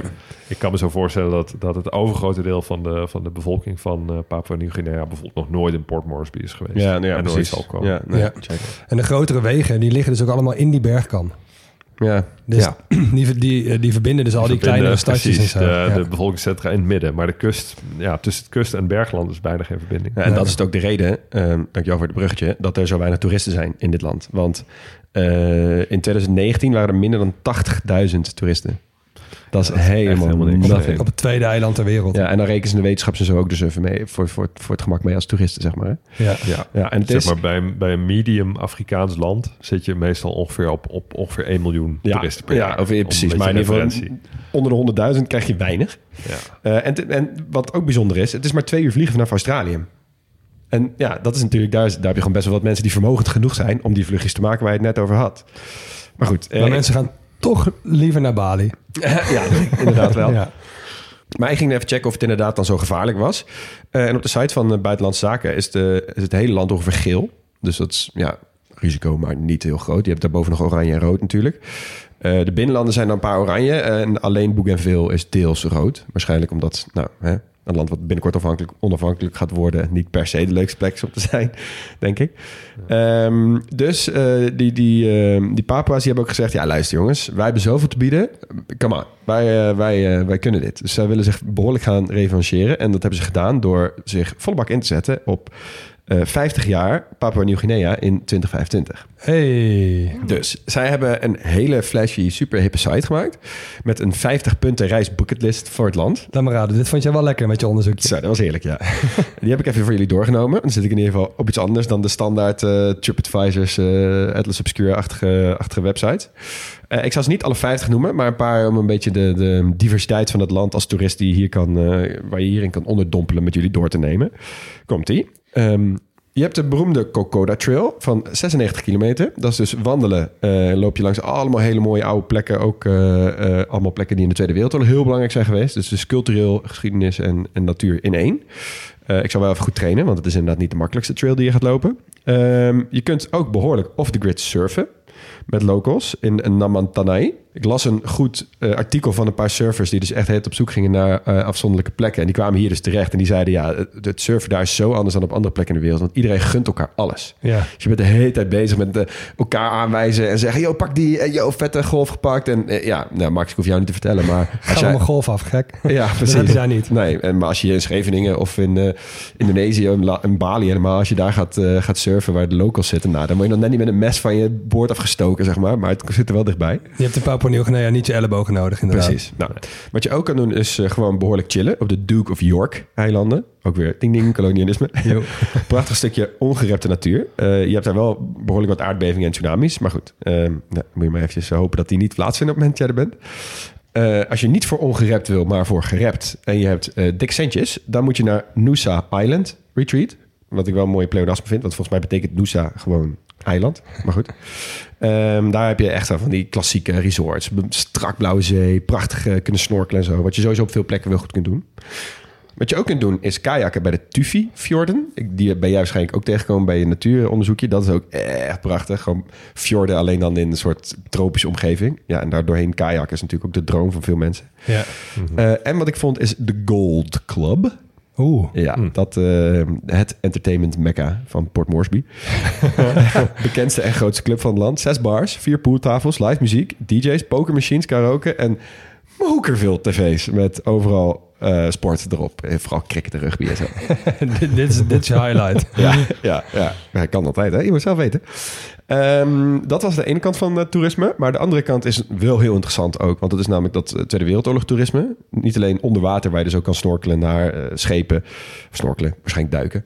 naar schepen. Ehm, eh, heb je ook heel veel andere de- toeristische dingen. Een hele mooie memorial, Cape Wom. Heel indrukwekkend, van de foto's afgezien. Je hebt Talasea. Eh, dat was een, ooit een airstrip waar ze moesten landen, soort van in de jungle. Eh, maar die is helemaal overgenomen door de natuur. Dus er liggen nu helemaal van die vliegtuigen helemaal overgewoekerd. Behoorlijk post-apocalyptisch beeld, wat je soms ziet in films, weet je wel. Echt wel gaaf. Eh, je hebt de tunnels van Rabaul.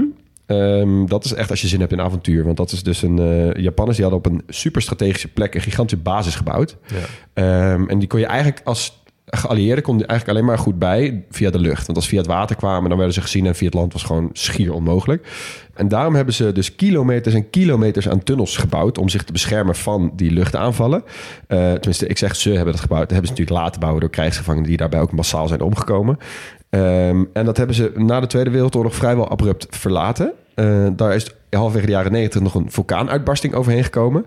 Ehm, dus die tunnels worden ook nog steeds best wel ontdekt. En er ligt nog van alles. En sommige plekken waren best wel mooi nog om eh, geconserveerd om te kijken hoe het erbij zat. Nou, als je op zoek wil gaan naar ammunitie of naar Japanse helmen of eh, misschien zelfs een, eh, een verloren zwaard, dan is dit je denk ik wel je grootste Ja, kans. precies. Dit ligt op eh, Nieuw-Brittannië trouwens. Hè? Dus dat Ja. is dat eiland ten, eh, ten noordoosten van, eh van nieuw Ja, het is in, in zo'n inham ligt het, zeg maar, aan de, andere, aan de zuidkant van het eiland. Ja.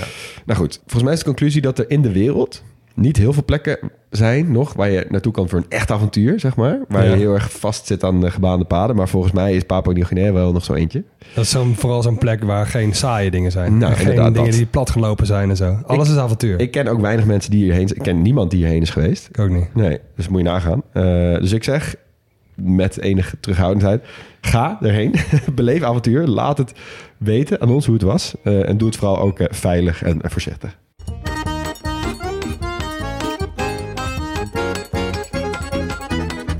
Nou, dan de kunst van Papua Nieuw-Guinea. Het, is, het, is een, een, het had een heel bond hoofdstukje kunnen worden. Maar ja, inmiddels heb je hopelijk wel door dat alles wat met dans en rituelen en klededracht en vogeltooien en weet ik veel wat allemaal ruimschoots vertegenwoordigd is in Papua Nieuw-Guinea. Dus daar ga ik heel even niet te lang bij stilstaan, want daar hebben we het eigenlijk al best wel veel over gehad. Wat ik heel gek vond, is dat zij nog geen enkele plek hebben op de UNESCO-lijst van immaterieel erfgoed.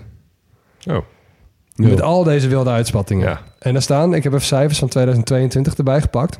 Ehm, 677 elementen op van over de hele wereld. Maar er is niks vanuit Papua Nieuw-Guinea. Nou, dat is een kwestie van tijd, denk ik hoor. Dat denk ik ook. Volgens mij is het ook een, zeg maar, niet alleen dat, ze, dat, het, dat de Verenigde Natie het aanwijst. Zo van, oh, dit vinden we vet. Maar ook dat je het moet onderhouden. Dat je het moet beschermen. Dat je er geld voor moet uitgeven om het eh, te... Nee, Eh. nee, immaterieel erfgoed. Dus Oh. dat is gewoon alle doorgeefdingen. Ja, Gewoon oh, alle volksdansen en zo. Ja, ja, maar dan ook, volgens mij is dat, heeft het ook gewoon te maken met het feit dat je het ook soort van, je moet het wel aandragen. Ja, ik weet niet of je er zelf inderdaad heel veel moeite voor moet doen. Maar bijna Ja. alle landen en dan staan moet je ook hierop. meteen een paar honderd dingen tegelijk aandragen. Ja, kijk, in Nederland is het gewoon, eh, wordt, eh, zeg maar, elk dorp wat een eigen hapje of hopje heeft, of koekje heeft, die er meteen, ja, dat is immaterieel erfgoed, boem, inzenden, weet ja, je wel. hier zijn die bloemencorso's en zo. Dat is, da- Ja. dat is dan bij ons cultureel immaterieel erfgoed. Maar Ja. het is, het is, ja, bijna alle landen zijn vertegenwoordigd op die lijst, maar niet Papua Nieuw-Guinea. Dus ja, Ja. goed, volgens mij hebben we genoeg reden gevonden om dat wel te laten zijn. Dus Ja. laten we hopen dat die binnenkort daar komen. Ehm, ik vond het dus wel erg gek dat ze in sommige dingen dus echt bizar oververtegenwoordigd zijn. En hier dus echt hopeloos ondervertegenwoordigd. En nog even over die lijst. Eh, op die site van UNESCO kun je, dus een mooi tipje, eh, een soort interactieve woordenspin vinden van die hele lijst. Eh, en als je dan hovert over die dingen, eh, categorieën zoals weddings en funerals en vocal music en zo, dan klapt die dus weer helemaal uit en dan zie je wat daar dan allemaal onder valt. Oh, nice. Maar als je Mm. op die afzonderlijke elementen gaat staan, zie je ook waar die weer allemaal bij hoort. Ja, en dus ja, ook ja, als je ja, denkt ja, van, ja. oké, ik eh, wil meer van deze categorie, dan kun je via die spin, kun je dus weer daarheen. Maar ontstaat zo'n lijst met erfgoed niet ook uit een soort angst bij de mensen om wie het gaat dat het verdwijnt als je het niet vastlegt of zo? En zij zijn En gewoon niet bang. Hebben zij gewoon zoiets van boeien die lijst. Wij, wij doen gewoon lekker ons ding en wij gaan onverstoord verder met, met doen wat we al eeuwen doen. Ja, misschien wel. Dat speelt misschien ook wel een rol hoor. het is ook een soort angst voor het, voor het vergankelijke van je tradities. Ja, ja er, zit, er zit wel wat in. En ook een soort van nationale trots of zo. eh, Ja. Gewoon je, je land uitdragen en zo. Misschien zijn ze daar Ja. gewoon denken van, ja, het leeft hier. Ja. Eh, waarom, zou, ja, waarom, waar hebben we dit voor nodig? ja, net als mensen die Zwarte Piet tot, eh, tot eh, immaterieel erfgoed willen maken. Ja, ja. Uit angst dat het anders verdwijnt. Omdat ze een achterhoede gevecht aan het Ja. vechten zijn. Ja, dat is zo. Nou, in ieder geval, ga even naar die website, want er staat mooie, staan mooie dingen op. En dan kan ik tegelijkertijd even wat muziek draaien uit Papua Nieuw-Guinea. en eh, dit, misschien was de eerste keer wel dat de wereld echt in aanraking kwam met die Papuaanse muziek.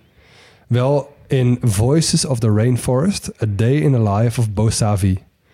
Uit 1991. En dit is eh, het werk van een Amerikaanse vent. Eh, Steven Veld heet hij. Hij zat echt al 25 jaar af en toe in Papua Nieuw-Guinea. Was gewoon aan het onderzoeken en zo. En hij studeerde erop op tradities in het regenwoud. Dus gebied van muziek. Maar ook ecologische, culturele antropologie. Hè, dus van hoe gaat mens om met natuur. En poëzie. Daar was hij heel erg mee bezig. En wat hij heeft gedaan... Hij is daarheen geweest met een, heel veel bandrecorders en eh, microfoons en zo. En heeft hij de soundscapes opgenomen uit het regenwoud. En alles onder deze naam uitgebracht. Voices of the Rainforest. En qua productie werd hij ook geholpen door Mickey Hart. Hij is de drummer van The Grateful Dead. Die zag je dan weer niet helemaal aankomen. Oké, Ultieme hippie band. Ja. Maar ehm, er zit verder niet zo heel veel gemonteerde muziek in. Maar heel veel dorpsgeluiden, mensen die aan het werk zijn, het dagelijks leven. En af en toe wat a cappella zang. En daar zal ik hier een klein stukje van laten horen.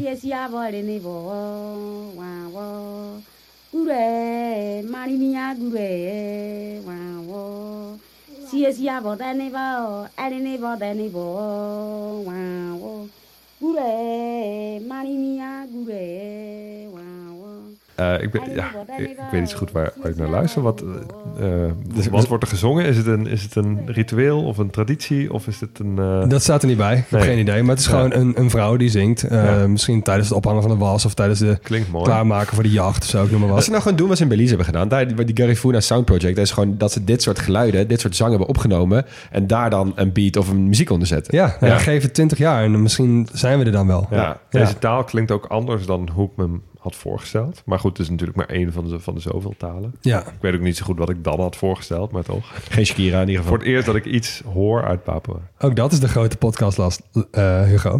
Ehm, in ieder geval, de eerste Papua die internationale bekendheid kreeg... was Blasius Tuuna. Eh, die zou dit jaar 99 jaar worden. Hij is inmiddels helaas overleden. Hij speelde ukulele. Dat is een soort singer-songwriter. En ik draai even het nummertje Fopela Lek. You can like him one em long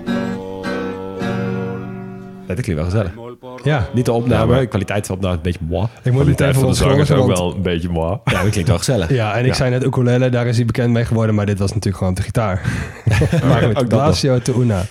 Dat is eh, eh, ja, een bekende naam. Maar misschien wel de bekendste Papuaan is George Telek. Die begon lokale muziek te mixen met reggae en jazz. En we hebben volgens mij ook gehad in Vanuatu, volgens mij, dat mensen daar ook heel lekker gingen op reggae. Nou, ik Ja, heb er nu nog klopt, een paar ja. voor jullie. Eh, dit is zijn nummertje Me Save Wari Turu. En dat wordt vaak beschreven als het onofficiële volkslied van Papua Nieuw-Guinea.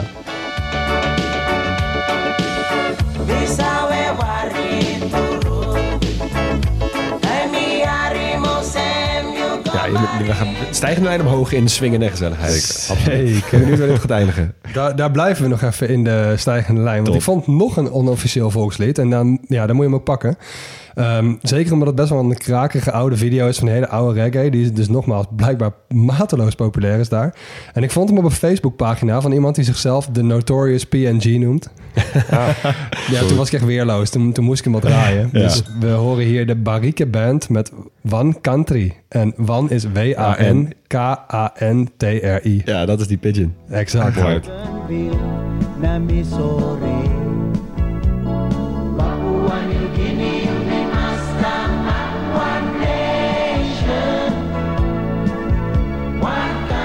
Wat, wederom, heerlijk nummer. Ja, hè? dat dacht ik. Ja. Ik ben eigenlijk wel benieuwd of wat deze gast betreft, zeg maar, het Indonesische deel van Nieuw-Guinea ook bij Papua Nieuw-Guinea zou moeten horen. Oh, als een soort Noord- en Zuid-Korea van jongens. One country. Ja. Ja, want het is natuurlijk het eigenlijk heel gek dat dat nog steeds dat zo'n kolo- koloniale grens nog steeds bestaat, die totaal geen recht doet aan, aan hoe de bevolkingsgroepen daar leven. Ja. Oh, dat is echt een luikje dat ik nooit heb geopend. Of daar in een soort van unity gevoel van is of zo. Van we moeten deze delen weer bij elkaar brengen. Ik ben er dus nergens tegengekomen. Het enige wat je dus telkens hoort is dat Boek en Viel niet zo heel blij is dat Ja. ze bij Papua. Maar misschien is dat het is wel zijn- begrijpelijk gezien de ligging, want dat Ja. ligt heel ver weg van, van Nieuw-Guinea af. Ja, maar we hebben het in het begin van deze aflevering en misschien straks aan het einde nog wel gehad over het feit dat dit eh, niet voelt als een heel land, omdat ze niet, omdat ze zo verschillende talen hebben, zo verschillende culturen, zo verschillende dingen. Ja. Misschien hebben zij ook wel niet het gevoel van, oh ja, dat hele eiland moet samen zijn, want dan zijn we pas weer één land, Nee. omdat ze niet echt zich voelen als één land. Nee, dan zou je het ook in, in 800 stukjes kunnen verdelen. Zeg Ja, maar. bijvoorbeeld. Maar ja, die, die, die rechte grens die blijft raar. Maar goed, Max, had je nog kunst? Ja, ik heb nog twee liedjes, maar ja, ik zit lekker ademloos naar te luisteren. Maar goed, nee, anyways, ik, eh, ik kwam via die mooie Facebookgroep en zo, kwam ik ook bij eh Sagathorns Band met Sagathorns Medley uit de jaren 90. Eh, ik heb hier verder ook niet zo heel veel over te zeggen, maar ik vond het wel best wel gewoon lekker klinken.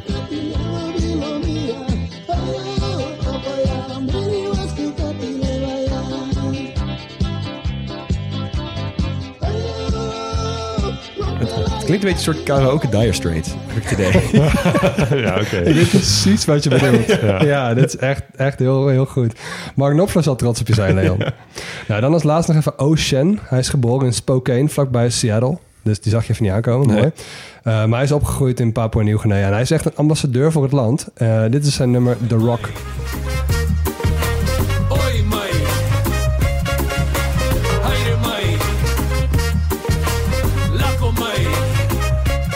Ik zie dat Autotune zijn intrede ook heeft gedaan in Papua Nieuw-Guinea. Ja, precies. Zeker. Maar ik zat er wel lekker op te grooven. Ja, wel lekker. Is dit Ocean dan ook Pigeon voor Ocean? Oeh.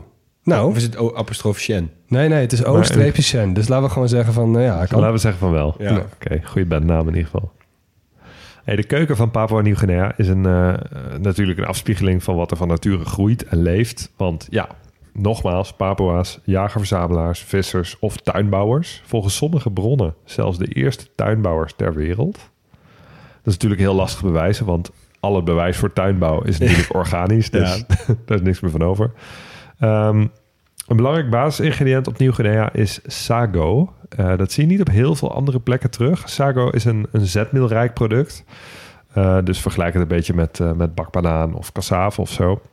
Ehm, en bestaat uit het gemalen merg van de stam en de stengels van verschillende soorten palmen. Oké. Dus daar haal je zeg maar de bast vanaf en wat erin zit, dat vermaal je tot sago. Klinkt Ehm, voedzaam. Ja. Ja, het is, het is ook heel voedzaam. Het klinkt ook heel bitter. Ja, je kan, het, je kan er een soort deeg van maken. Dus het, het lijkt, wat je krijgt lijkt een beetje op fufu of op ugali, ook qua voedingswaarde. Ja. Dus echt zo'n hoeksteen van de keuken. Leon, luister je? Ja. Jij kan geen ugali meer horen, toch? Nee man, elk, eh, elk Afrikaans land in keuken is altijd het eerste wat je tegenkomt is dit. Nou, hier dus sago. Ehm, keuken is grotendeels vegetarisch. Ehm, dus eh, ja, mooi. Maar er zijn wel een paar uitzonderingen. Dus vis. Maar ook het nationale gerecht. Dat is moemoe. En moemoe is eigenlijk zowel een gerecht als een bereidingswijze. Is het een koe? Nee, het is niet met een koe. Ehm, maar je maakt het in een oven die moemoe wordt genoemd. Oké. Dus moemoe is ook een oven. En dat is eigenlijk gewoon een kuil in de grond. Daar gooi je hete kolen in. Daarop leg je een bananenblad. En dan leg je daarop eh, zoete aardappelen, bakbananen, taro, dat, is, dat zijn van die knollen. eh, kip en varkensvlees vaak, eh, groenten en fruit. Ja, dit is echt copy-paste al die eilandslaatjes daar in de buurt. Die doen het allemaal precies op deze manier. Ja, precies. Alleen de bereidingswijze is net wat anders. Ja, maar Want- ook vaak een gat in de grond, eh, warm maken, al je Ja, ingrediënten precies. erin, blad eroverheen. banadenblad. Ja, Dan klopt. stoom je het en stoof, je het ja. gewoon gaar. Ja, precies. Ja. Eh, volgens mij is dat op Vanuatu ook op, op vulkanische kolen en zo. Maar daar, daar graven ze geen gat. Nee, oh, ja, precies. Ja, als je ja. vulkanische kolen hebt, dan kan je er ook de En kant op. daarin precies. is Papua wel uniek. Een andere uitzondering op het vegetarische menu. Cannibalisme. Heb je nog een Ehm, lekker receptje voor ons? Huub? ja, dit Ja, het is- uitstapje het hoofdstuk dat ik niet helemaal verwacht. Nee, ja, het is, het is ook misschien een beetje orientalistisch. Een beetje, om het bij keuken te gaan hebben over cannibalisme. Ehm, maar ja, demografie hoofdstukje van Max zat al vol met 800 talen en koppelsnellen en, en andere dubieuze gewoonten. Eh, dus we moeten het ergens bespreken. Je hebt het ook al een beetje genoemd. Eh, want ja, Papua's zijn oorspronkelijk nou eenmaal kannibalen, toch? Niet allemaal, maar ja, oorlogsbuiten wil je af en toe wel opeten.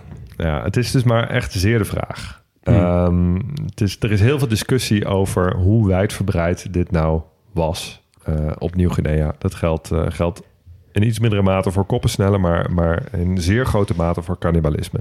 Antropologen zijn het er wel over eens dat het op beperkte schaal voorkwam onder sommige stammen op Nieuw-Guinea. Eh, het bewijs is heel schaars. Het beste bewijs komt uit 1959. Eh, toen werden leden van de Forenstam ziek. Die kregen de ziekte Kuru. En die ziekte die kwam alleen voor bij vrouwen en kinderen. Nou, dat was mysterieus. Dus onderzoekers die stonden voor een raadsel. Dus die doek- doken eh, dieper in de leefwijze van de stam. En wat bleek? Ehm, vrouwen en kinderen die eh, aten bij rituele uitvaarten de hersenen van overleden stamleden. Oké. En daardoor, daar kon je dus ziek van worden. En zo verspreidde die ziekte zich. Ehm, dat shit, verklaarde dus eh, hoe de ziekte ontstond en verspreidde, maar bewees dus tegelijkertijd de praktijk van cannibalisme. Maar even voor de duidelijkheid, het ging, het ging dus om hersenen van stamleden die een natuurlijke dood waren gestorven. Ja. Niet van mensen die ritueel werden gedood om op te eten, of van vijanden of wat dan ook. En dat is natuurlijk wel het beeld dat het Westen van cannibalisme Ja, heeft dat je zeg maar dat je eerst met handen en voeten wordt vastgebonden aan twee van die houtjes en dan op Ja. de schouders van de inboorlingen wordt gebracht naar een grote kookpot Ja. en daar levend wordt gekookt. Ja, Is dat Monsieur Cannibal of zo? Ja, ja. want Ja, ehm, inderdaad. Waar antropologen het ook over eens zijn, is dat cannibalisme veel minder vaak voorkwam dan altijd werd aangenomen. En inmiddels al tientallen jaren helemaal niet meer voorkomt. En de mythe is dus veel groter dan de werkelijkheid. Ja. En dat komt voor een heel groot deel door hoe de koloniale machten de verhalen over cannibalisme gebruikten om inheemse volkeren af te, af te schilderen als untermenschen. Ja. En dus eigenlijk te zeggen van... ehm, ze mogen blij zijn dat wij ze tot slaaf maken. En een, Ja, een, ja. eh, Wij brengen een menselijk, een beschaafd leven in een, in een ander land of, waar dan, of op een plantage bieden. Ja. En dat ze gered worden van de eh, barbaarse praktijken die ze zelf uitvoeren. Ja. Ja. Dat was het idee. Dus het is eigenlijk gewoon propaganda. Ja. Ah, ja. Ehm, daar heb ik eigenlijk nooit bij stilgestaan. Om ze ook te eh, bekeren, toch? Sorry? Om ze bijvoorbeeld ook te bekeren. Ja, Ook om ze te bekeren, ja gewoon zeker. alle westerse Ja. shit op hun eh ja, precies. Gewoon alle, precies, ja. Eh, dus ik voel me ook eigenlijk weer een beetje schuldig dat we nu als westers medium weer een paar minuten eh, praten over iets dat helemaal niet exemplarisch is voor de cultuur van de Papua's. Eh, ja, ik weet. Ik, ik- ik Ja, het is gewoon uitvergroot. Kijk, het gebeurde wel. Het gebeurde wel. En, maar het gebeurde hier ook. En het is natuurlijk interessant om het erover te hebben. Precies. En om er verslag over uit te brengen. Want ja, eh, hele normale dingen of brave dingen of dingen die wij, die wij ook allemaal doen, ja, daar schrijf je niet over. Daar hebben wij het ook minder snel over. Dus het is logisch. Ja, maar je ziet het vaker. Hè? Je hebt bijvoorbeeld bij eh, eh, bepaalde plekken in China, bepaalde plekken in Indonesië, waar de eerste paar mensen die daar kwamen gewoon bullshit hebben verzonnen, opgeschreven. zeg maar, we hebben het echt over de ontdekkingsreisperiode. Dat ze vervolgens mee naar huis namen. eh, ook met plaatjes van dieren en zo en draken en weet ik het allemaal nog meer. Ja. En dat gewoon hebben gezegd, ja, ik heb dat gezien daar. En dan andere mensen die namen dat voor waar aan. Eh, Ja. En toen was het, oké, nou, het was de, de, de, de, de tijdige variant van... oh, dat heb op Facebook gestaan. Ja, dat Ja. heb die ontdekkingsreiziger meegemaakt. Dus hebben we het 100 jaar geloofd. en dat is cannibalisme over heeft het, het, voornaamste wat we dan over die plek weten. Ja, dat dus is heel bizar. eigenlijk als je het hebt over eh, vrouwenbesnijdenis in eh, Somalië bijvoorbeeld, dat is met veel meer recht een onderwerp om het erover te hebben, Ja. omdat het geldt voor 99% van de meisjes. Absoluut. Precies, ja. En, dit, is misschien 1%. heel anekdotisch bewijs. Ja. Ja. Ehm, dus laten we vooral de boodschap benadrukken dat cannibalisme vooral bestond in westerse propaganda. En ik zal daarom afsluiten met het verhaal over Karl Emil Pettersson, een Zweedse zeeman die schipbreuk leed en aanspoelde op het eiland Tabar ten noorden van Nieuw-Guinea. Ehm, daar woonde een stam die cannibalistisch zou zijn, maar Pettersson werd helemaal niet opgegeten. Sterker nog, eh, hij werd verliefd op de dochter van de koning en mocht daarmee trouwen. Werd later zelf koning van het eiland. En voor Astrid Lindgren werd Pettersson de voornaamste inspiratie voor de vader van Pippi Langkous. Wow, dat is een... Hoe gaan we hierheen? En dat was de aflevering van de grote podcast. Fijn dat jullie geluisterd hebben. Eh, ziek, oké. Dit is wel echt ziek, hè? Dat is wel heel nice. Oké. Eh, ja, dan moet ik dit gaan proberen te toepen met eh, het sporthoofdstukje. Wat niet gaat lukken, want ze hebben nul medailles gehaald. Ze hebben nooit meegedaan aan de winterspelen. En ook niet bijst te veel zomerspelenkandidaten. Het beste resultaat dat ze hebben is een zwemmer in de finale van de 100 meter vlinderslag. Ja, tja. Dat is toch ook gewoon heel goed? Dat is ook gewoon heel goed. Eh, ze hebben wel één medaille bij de Paralympics. Eh, er werd zilver gehaald door Francis Compaon. Of Compaon. Ik weet niet zo goed hoe je het uitspreekt. Eh, in 2008 op de 100 meter sprint. Dat hebben we wel. Dus dan wel meteen het koningsnummer. Dus dat is wel de grote speler. Ehm, op voetbalgebied doen ze het ook behoorlijk belabberd. Ze staan internationaal zelfs onder Guam, Kirgizië en Somalië. Nou, ik denk niet dat dat iets is om trots op te zijn. Ehm, wat ze wel doen, is ze spelen veel sporten die in de regio ook gespeeld worden. Eh, denk bijvoorbeeld aan Australian football, oftewel footy. Het nationale team, de Mosquitoes, werd in 2008, 2014 en 2017 internationaal kampioen. De mosquito's. Ja, Met zo'n groot arsenaal aan fucking grote fauna en zo. ja. Ja, het is de Kom aan. maar ja, jij zei zelf dat ze niet in de laaglanden wonen vanwege malaria. Ja, nee, Nee, hier, zitten hier zitten natuurlijk wel die, eh, die sportclubs die westerse sporten spelen. Die zitten natuurlijk wel in de laaglanden en in de kust. Ja, dat dan weer wel. Maar ik las ergens ook dat ze het één na beste Aussie Rules voetballand ter wereld zijn. Ja, dat, dat zou goed kunnen. Ehm, en weet je, internationaal gezien, weet je waarom dat is? Waarom iedereen denkt, dat moet toch Australië zijn? Australië mag niet meedoen met alle internationale eh, toernooien.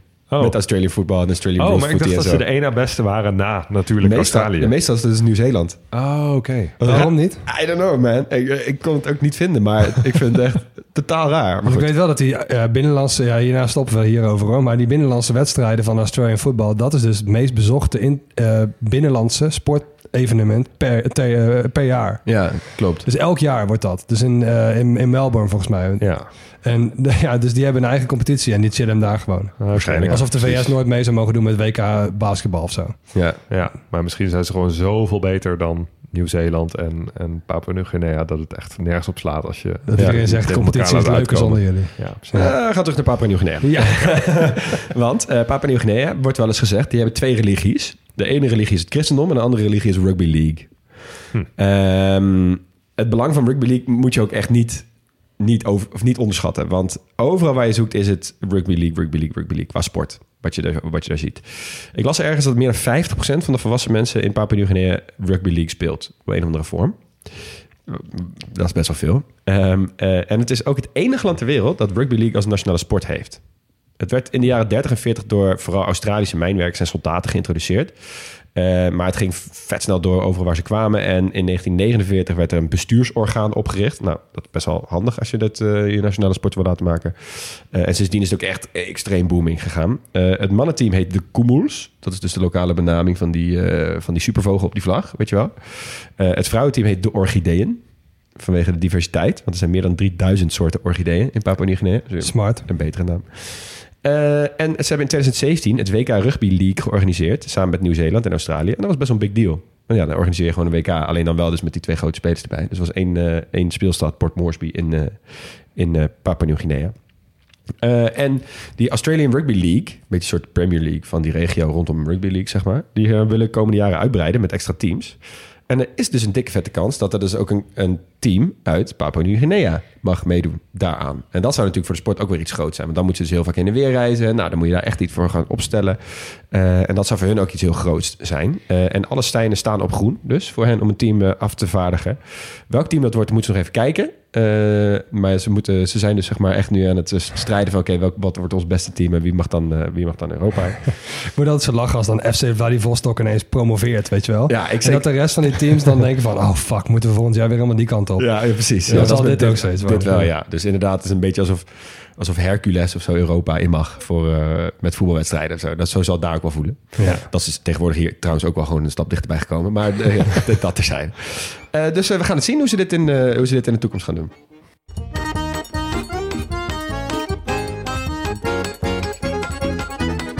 Hey, Papua Nieuw-Guinea, wat, maken ze, wat maakt hun uniek? Wat niet. Heel veel. Ja. ja. En wat ga je doen als je er één land... eh, één dag nee, inhoudelijk antwoord. Ja, eh, het is misschien omdat het ook mijn hoofdstukje was, maar politiek is het gewoon reet interessant. Want hoeveel landen hebben we besproken waarvan we nu al weten dat er een deel onafhankelijk gaat worden? Nog geen één, volgens mij. Dus we weten nu al dat we een extra landje kunnen toevoegen eh, als we dat af en toe besluiten in de toekomst. Ja. Dat vind ik vrij uniek. Maar dus ook inderdaad, wat jij zei, Max, en die culturen, dat we daar dus zelf al zo over kunnen brainstormen. Deze aflevering is ook al een stuk langer geworden dan dat we eigenlijk wilden. Juist omdat je de hele tijd, omdat dit land zoveel bijzonderheden heeft, dat je de hele tijd zijpaadjes maakt van zou dit daarom zijn, zou dit daarom zijn, zou dit, Ja. zou dit de reden erachter kunnen zijn. Het, er zit gewoon zoveel mysterie in dit land, niet alleen in de geschiedenis en in de mensen, maar ook gewoon in de toekomst en hoe ze, hiermee, en hoe ze hiermee omgaan. Ja, alles wat je leest opent weer een paar nieuwe vragen. Ja, Het is ook super raar vormgegeven. hè? Met natuurlijk die, die rechte grens tussen een oud-Nederlands deel en nou, een Brits deel en een Duits deel, die dan toevallig door het verloop van de wereldoorlogen wel samen zijn beland. Maar dan ook weer met een aantal andere eilanden die ooit Duits waren. En nu dus ineens wel bij Papua Nieuw-Guinea horen. En dat niet allemaal willen. ja. En een stuk Indonesië dat het dan weer niet is. Ja, en intussen honderden verschillende bevolkingsgroepen die waarschijnlijk allemaal zoiets hebben van boeiend. eh, eh, maakt het uit. Of niet eens weet hebben van Precies. deze hele geschiedenis. het is mijn tijd wel duren. Ja, heel bijzonder. Ja. Ik vond het ook wel bloedig. En, en eh, ja, een beetje, eh, ja, toch wel ook wel een beetje duister af en toe. Ja. Dus gewoon bepaalde rituelen die, nogmaals, goed dat je het zei, niet, niet heel vaak voorkomen. Eh, bij een van de duizenden stammen, moeten we zeggen. Ja. Maar goed, wel echt krijgt- die vrouwenvriendelijkheid Ja, is wel echt een groot probleem. Ja, en genoeg andere dingen waar je natuurlijk echt wel rillingen van krijgt. Laten Ja. we wel wezen. en, ja. hey, paradijsvogels. Wat ga je doen als je hier één dag mag vertoeven, Huug? Ja, ik, ik- ja, als ik er kan komen, ga ik 100% naar die binnenlanden. Naar de grootste bevolkingscentra, maar ook de mooiste natuurlijke pracht en praal. Ja, daar moet je echt zijn. En, en dat is niet zo makkelijk, want je kunt veel makkelijker eh, in Port Moresby komen. Maar ja, dat is gewoon een stuk meer inwisselbaar voor andere eh, kuststeden in de buurt. Dus ja, ik ga 100% naar binnenland. En eh, daar gewoon mensen bezoeken in hun nat- natuurlijke habitat en eh, dieren als het kan ook. Ja. Ja, hetzelfde. Ik, inderdaad, gewoon een, een- misschien ga ik wel de, de stam opzoeken die het meest genaaid is door de geschiedsvertelling over dat zij kopstellers zouden zijn. En daar dan heen om te kijken of het nu niet meer zo is. Ga je zelf Met aanbieden? gevaar voor ja, eigen leven. durft. Ja, precies. Ja. ja. Ja. ik denk dat je met, eh, bij eh, stammen die verdacht werden van cannibalisme veiliger bent. Want er is wel echt zeer veel bewijs dat dat nu niet meer voorkomt in ieder geval. Ja, dan zijn die stammen dan bij dus koppenstellen weet ik het niet zo eigenlijk. Maar dat is alleen met de vijand, toch? Ook Als je niet zo. doodgaat. Nee, ook niet zo. Nee. Nee, Nee. precies. Nou, nee, dan zit je wel goed. Ja. Ja. Ik vind dat een sing-sing. Oh. Dat, dat soort van songfestival van alle culturele uitspattingen, Ja, zeg maar. En ja. dan ga ik de hele dag alleen maar kleurrijke klededracht en vogeltooien en zo bekijken. Eh, en lekker meedansen, denk ik. Hmm. Ik zou trouwens ook wel een keer eh, naar die, eh, die, eh, de, ja, die overblijfselen van die eh, slag om de Koraalzee willen. Rabal bijvoorbeeld. Ja. Ja, oude zeker. Japanse ondertunnelde wereld. Ja, heel vet. Maar goed, daar krijg je op de Salomons-eilanden nog een kans voor. Volgende week, Salomon Eiland. nee, volgende week geen Salomons-eilanden. Wel iets anders. Hey, heel erg bedankt voor het luisteren naar dit hoofdstuk van de Grote Podcastlas. Je hoorde vanuit Utrecht Leon Boeles, Max Gerritsen en Hugo Noordman. En Jonas van Impe, die doet er weer de eindmontage. Nooit volledig, wel origineel, geen experts, wel liefhebbers. Volg ons op Twitter en Instagram op Grote Podcastlas. En kijk natuurlijk op grotepodcastlas.nl voor de tipjes, de feitjes en wat al niet meer.